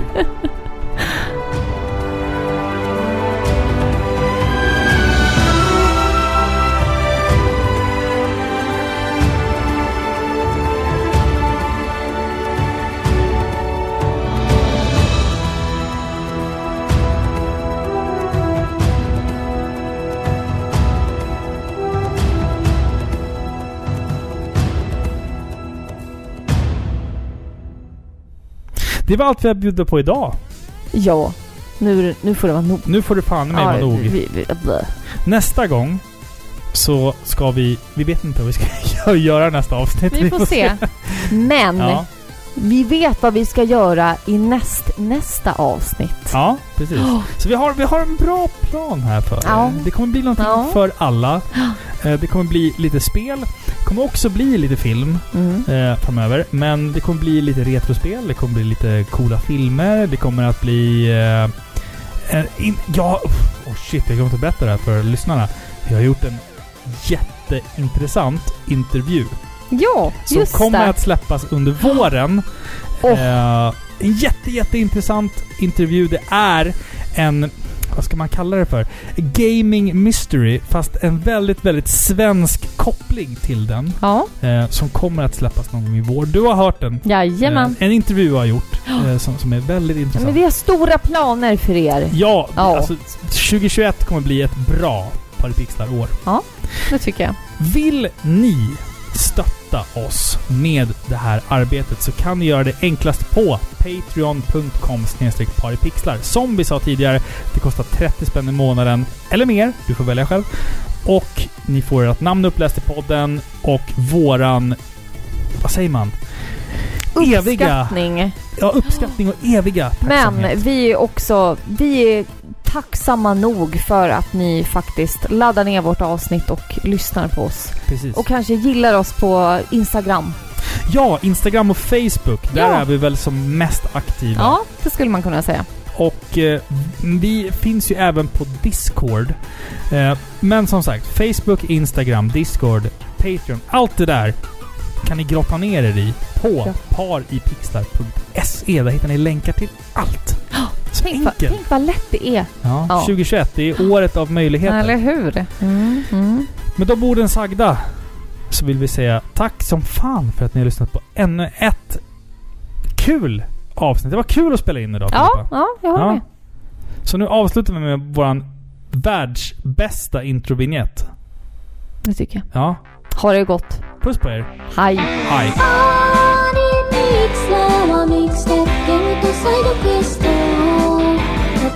の愛情でできたポッドキャスト」